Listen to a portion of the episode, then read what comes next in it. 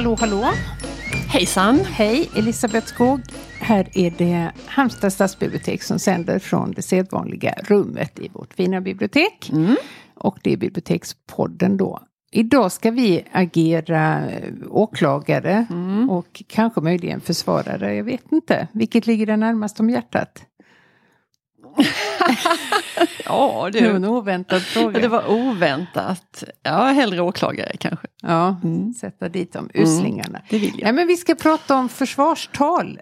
Eh, som vi har Mm. upptäckt är en ganska diger eh, genre faktiskt. Ja, där fanns mycket att hämta Det väldigt på mycket att hyllorna. hämta. Mm. Och då pratar vi om böcker som är skrivna av någon som har blivit på ett eller annat sätt uthängd eller utpekad Mm. i medierna. Och då har man svarat I med en bok där man lägger fram Mm. sin sida av saken. Mm. Så är det. Och nästan det första man tänker på när man tänker försvarstal och litteratur. Vad är väl det då? Jo, om inte August Strindbergs En dåres försvarstal. Mm. Såklart. Och jag fick läsa på lite om den och det var, jag tänkte faktiskt börja med att berätta om att han skrev den allra först på franska. Och man Ja. har glömt vilken mångsidig och vad mycket han höll på med samtidigt. Gud ja. Den gode Strindberg. Så den här skrev han på franska 1887 Var det för att han var så 88. förbannad på Sverige då? Att han inte ens ville använda det spra- svenska Det språket? kanske det var. Ja. Ehm, han bodde ju också i Paris en länge tid så det kanske låg närmare till hands för honom att skriva på franska. Mm. Ingen aning. Men du, sen översattes den och gavs ut på tyska. Det var liksom det första som hände och då hette den Die Beichte eines Toren, en dåres bikt. Då var det 1893. Mm. Eh, och sen 1895 så kom den ut på franska. Ehm, ja. Eh, och efter hans död så eh, kom den först på svenska. Då, då är vi framme på 1914. Och då eh, gavs den ut i en, nu citerar jag här, en starkt förmildrad översättning där de liksom mildade till allting. Och då var det John Landqvist, som är ett namn man känner igen, som hade översatt den och mildat till den. Och sen Nej, så det. får man ju inte göra. Då är det ju ingen översättning. Nej. Nej. Du, 1999 publicerades den som nummer 25 i nationalupplagan. Och då var den översatt av Hans Levander och det är den man nog ska hålla Den sig ska till läsa. om man vill Ja, ja. läsa den. Ja, nej men vad är det då? För för det är både ett försvarstal men också en, betraktas den som en kärleksroman. Mm. Ehm, och det var ju då när, när äktenskapet, han var ju då gift med Siri från Essen, det är henne det handlar om, Mm. deras äktenskap Mm. Krisade som värst. Och den är både hänsynslös och väldigt, äh, det är ju, han är ju känd för stora och starka känslor och de kommer ju till Mm. utlopp. Och den är också, det är också ett stycke naturalistisk litteratur som vi har att göra med här. Det är så Eh. svårt med Strindberg för att man tycker ju att han är ju inte någon eh, sympatisk typ. Men han Nej. skriver ju så fruktansvärt bra. Ja, ja men att det- absolut. Och sen läste jag någonstans att samtidigt som han skrev den här liksom väldigt och med alla de här starka känslorna och Mm. ilskan och naturalismen och allt det där. Ungefär samtidigt så skrev han också eh, Hemsöborna. Ja. Så han kunde ha många, Ja. eh, många bollar i luften som Ja, det jo, heter men han i pysslar ju med mycket alkemi och det Ja. ena andra. Och förbannad var han ju ständigt Ja. på något eller några. Ja, hade, han är så självklar som man glömmer nästan bort honom. Ja, ja. Men det hade varit lite kul att läsa. Mm. En dåres försvarstal. Mm. Faktiskt. Ja, nej men det var liksom vårt första, vi var tvungna att börja med Ja, August. Nej, men sen tar vi ju ett raskt kliv in i samtiden. Ja, för att vi. på Strindbergs tid så hade man ju inte så många andra kanaler än böckerna. Det var ju liksom det naturliga. Mm. Jag tror det var väl han som sa det här, vi ses i min nästa bok. Var inte det Strindberg? När han blev Ja, förbannad på ja. någon.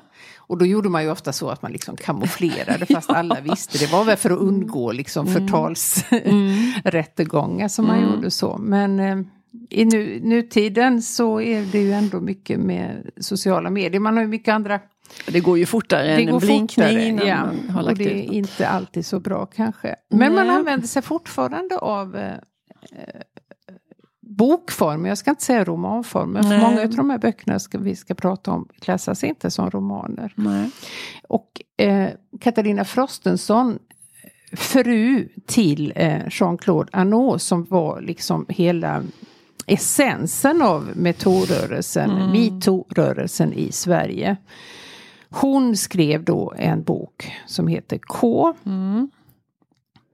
Eh, som då är ett brinnande försvarstal för sin stackars förtalade man. Mm. Eh, och hon utgår ju från hon använder alla namn. Ja. Eh, I princip. Nej det gör hon inte. En del döper hon om på ett ganska infamt sätt. Ja. Hon och hennes kallar vän, och, ja. eh, Sara Danius som då var ständig sekreterare kallar hon SS. Mm. till exempel då med två mm. eh, stora S. Mm. Och det får ju andra oj, associationer. Oj. Och också eh, Frostenssons egna vänner benämner hon bara med initialen. Ja, en del, eh, Birgitta Trotzig bland annat mm. som är en väldigt god vän. Det är väl de hon är vän med. Ja, jag kommer inte ihåg, vi behöver inte veckla in oss Nej. i det. Men där är inget tvivel om vem som är vem i alla fall i boken. Och det som är så konstigt med den. Först så tänkte jag att jag måste läsa den. Och så mm. började jag och sen stod jag inte ut för att Nej. det var ett sånt Alltså att den intelligent, välutbildad människa kan vara så totalt förblindad.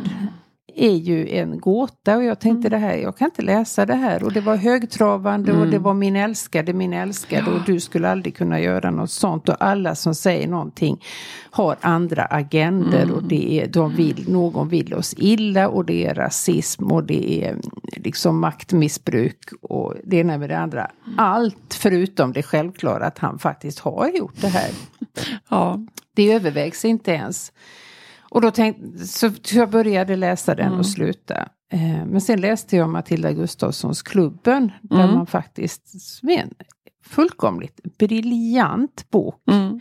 Fast man trodde att man visste allt om ja. alla turerna. Om man, man vet ändå... hur det gick så är den ändå så spännande. Ändå alltså, det är sån bladvändare. Ja. Så nej, men tänkte jag, nu får jag ta mig an K igen. Mm. Och då gjorde jag det och kom igenom den. Jag tycker det hedrar dig för jag har också försökt läsa den. Och, jag, och precis det där du sa med det här.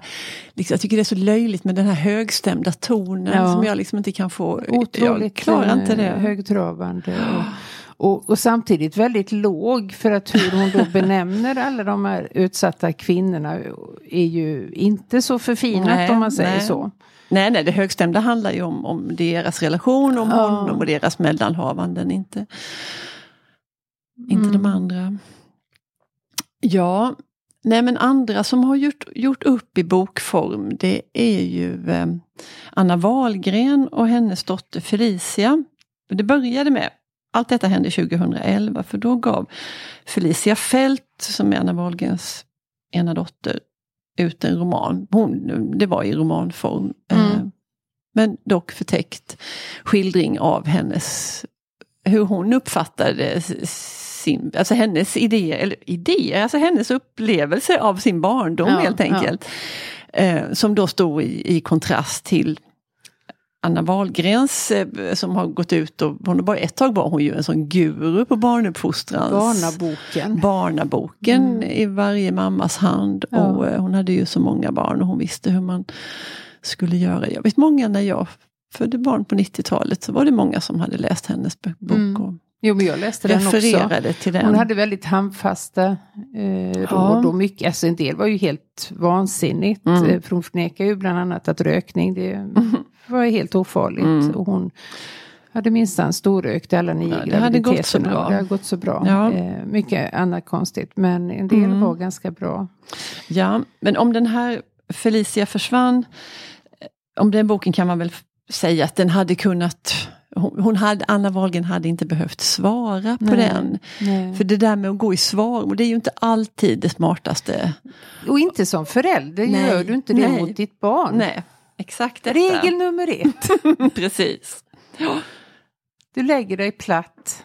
Ja, ja barn det är det får, enda ja, rätta. det är precis så är det. Um, men men det, det, det, tog inte många månader förrän Anna Wahlgren hade skrivit en, en försvarsbok som heter Sanning och konsek eller konsekvens. Mm. heter den.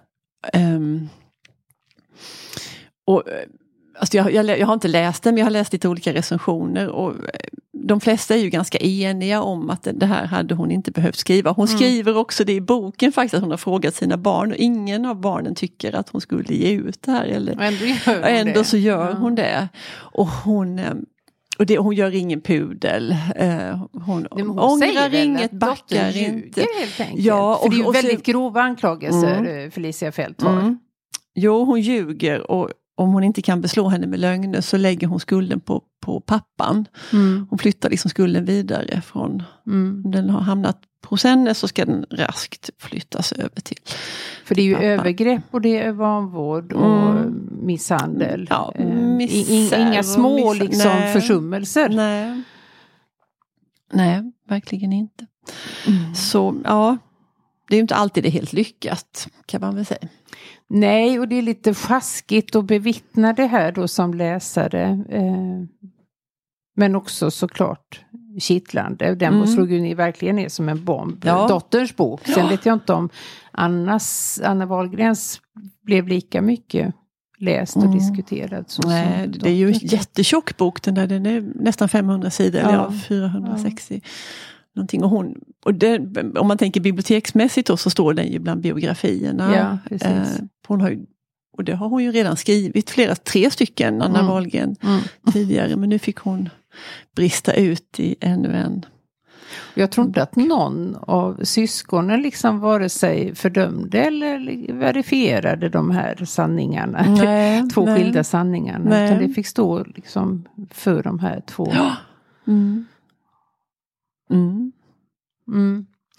Nej men sen läste jag också, eh, och det var också en ganska jobbig läsning. Du har haft det jobbigt nu, Jag har haft det lite. Ja. jobbigt så jag får ju skylla mig själv. Ingen som har tvingat mig. Men jag var tvungen att läsa Fredrik Virtanens Utan nåd, en rannsakning. Mm. För han blev ju vid sidan om eh, Jean-Claude Arnault, liksom en av de här förgrundsmännen, representanter för Mm. metoo-rörelsen. Och det startade ju genom en eh, Instagram-post där en ganska känd eh, jag vet inte vad man ska kalla henne. Bloggerska Mm. låter så nedvärderande. eller journalist. Cissi Wallin i alla Ja. fall. Nej, skrev i klartext att Ja. Fredrik Virtanen har våldtagit mig. Mm. Och sen blev det också en sån snöbollseffekt ungefär liknande som den om eh, Kulturmannen i DN. Mm. Att fler och fler eh, trädde fram och berättade om hur han hade betett sig. Mm. Och hon hade ju också anmält den här eh, påstådda våldtäkten Mm. flera år efter den hade ägt rum. Men då fanns det som nästan alltid i våldtäktsfall inga, inga bevis utan Nej. det är ord som stod mot ord och då stod, eh, blev han friad. Eh, men det ledde ändå till att han förlorade jobbet och faktiskt fick lämna landet. Mm. Han var ju en otroligt profilerad eh, journalist på Aftonbladet som hade jättestor makt och haft i alla tider. Mm. Och det han kan tillstå i boken och idag det är att han har betett sig tölpaktigt. Det är så långt kan man Ja, gå. så långt kan han Mm. sträcka sig. Men han nekar till alla anklagelser. Han, jag har varit en gris men han på mig, jag har inte gjort något olagligt. Och det vet vi, det vet bara de. Han är Mm. friad så vi Mm. kan inte säga så mycket mer om det. Men det intressanta med den här boken är att han kallar undertiteln då är en rannsakning. Ja, och den är det en rannsakning, Nej, frågar den man är, sig då. för han har, inte, han har inte lärt sig någonting. För han Nej. har väldigt klara minnesbilder där det passar. Mm. Och dito luckor där det passar lika bra. Så det Ja. han vill komma ihåg det kommer han ihåg med detaljskärpa och Mm. allt annat har han glömt. Precis det kommer jag ihåg från den här söndagsintervjun som var Ja. med honom också där, där denna fråga ställs. Och det, Ja. den går ju liksom inte att besvara riktigt såklart.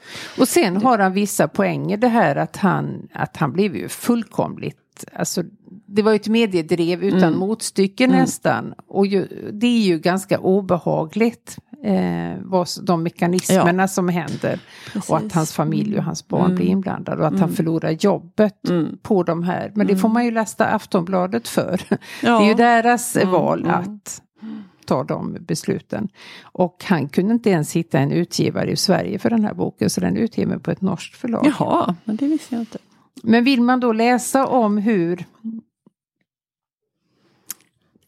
Alltså det intressanta med den det är att se hans bild och hans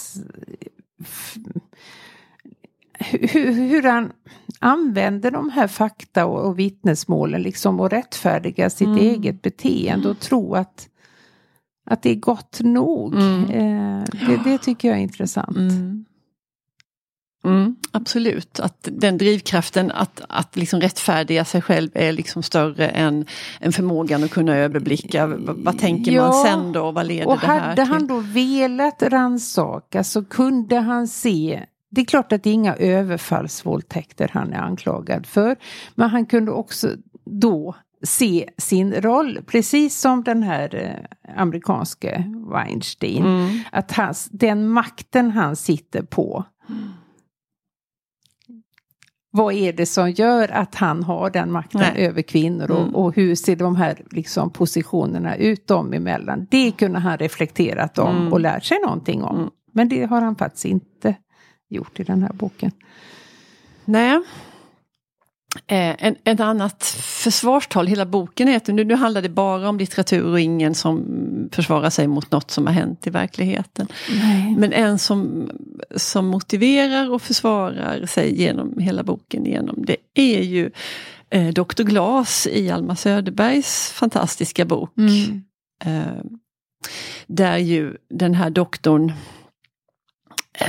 alltså I början där så beskrivs det att han, han är lite deprimerad och lite nedstämd. Så där, och han, framförallt så längtar han ju efter att, att få agera, att få utföra någonting. Han vill mm. liksom handla och att det ska det här slitna mm. att göra skillnad. Men det är ju något sånt han är mm. uppfylld av. Och så, så kommer den här prästfrun i hans väg som um, och sen är det hela den här kända historien men som ju slutar tråkigt för själva pastor Gregorius. Ja. Och den slutar ju inte bra för någon, Nej, inte, för, inte för honom själv Nej. heller. Men, men liksom det här med att försvara sig och motivera och beskriva mm. Mm. varför man handlar som man gör. Mm. Så vill man, om nu en del av de här andra böckerna vi har nämnt har varit av misstänkt litterär klass så kan man ju Ja, förutom skallen. Frostensons, för den är ju skriven på ett Ja, eh, alltså, om man, den om är man, höglitterär men det hjälper inte. Nej, det hjälper inte. För, ju... nej, men alltså höglitterär eller ej så tycker jag att det är så fjantig stil. Alltså, ja. för, för mig så är den,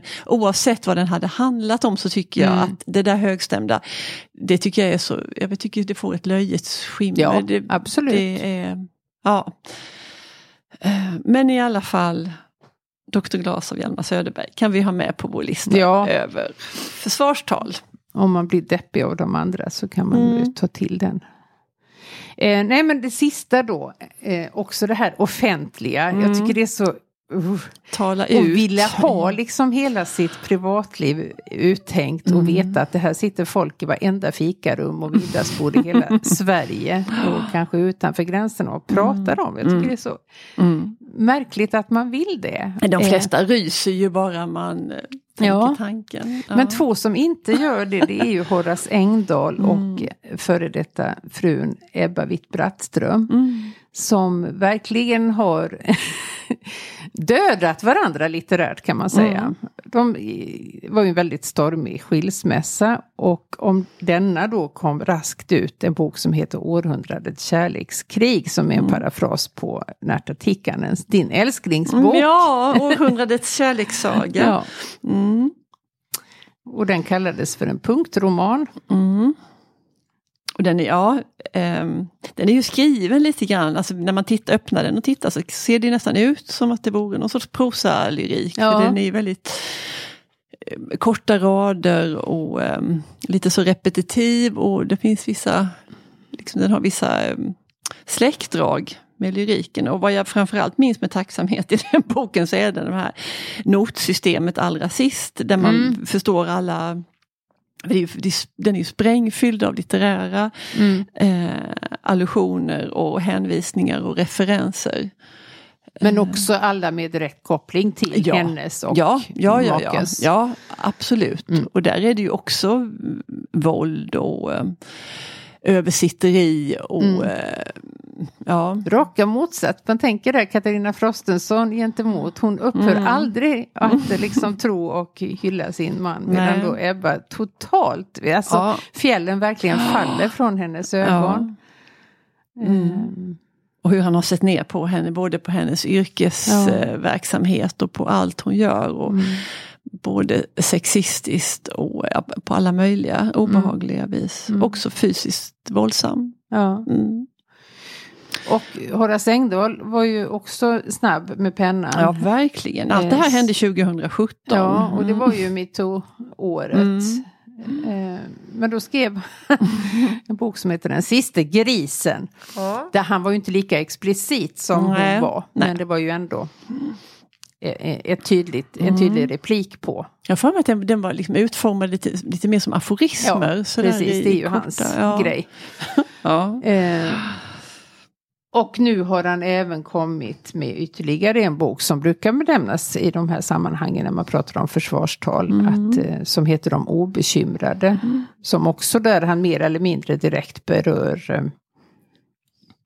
eh, metoo-revolutionen mm. och eh, kulturmannens roll i det hela. För han är ju en av de få som tillsammans oh. med Katarina Frostenson fortfarande står vid hans sida och menar oh. på att han är ett föredöme för alla unga män. Ofattbar. Mm. Undrar om folk läser hans... Är de intresserade fortfarande av ja. Horace? Jag tycker han har Nej, han bränt sina så broar. totalt detroniserad. Mm. Eh, jag tycker man betraktar honom, det, har ju fått ett löjets skimmer. Ja, det här, att han bara har kunnat hålla fast vid de här alla ja, som han betedde sig mot Sara Danius. Mm, är ju, mm. alltså det smärtar ju mm. verkligen. Hon var ju den som stod rakryggad genom hela mm, alltet. Mm, mm. Värdig liksom och äh, rak. Mm. Och han sågade henne jäms med fotknölarna och kunde ja. aldrig backa från detta. hennes storhet. Nej. Nej. Men du, då har vi gått igenom lite olika försvarstal härifrån. Mm. Både historiskt och samtida och det kommer ju säkert att fortsätta komma flera försvarstal. Ja, ja. Det är ju säkert inte slut på det. Nej. Och vi gillar ju som sagt att läsa Ja. mm, men för idag så tackar vi för oss och säger hej då. Hej då.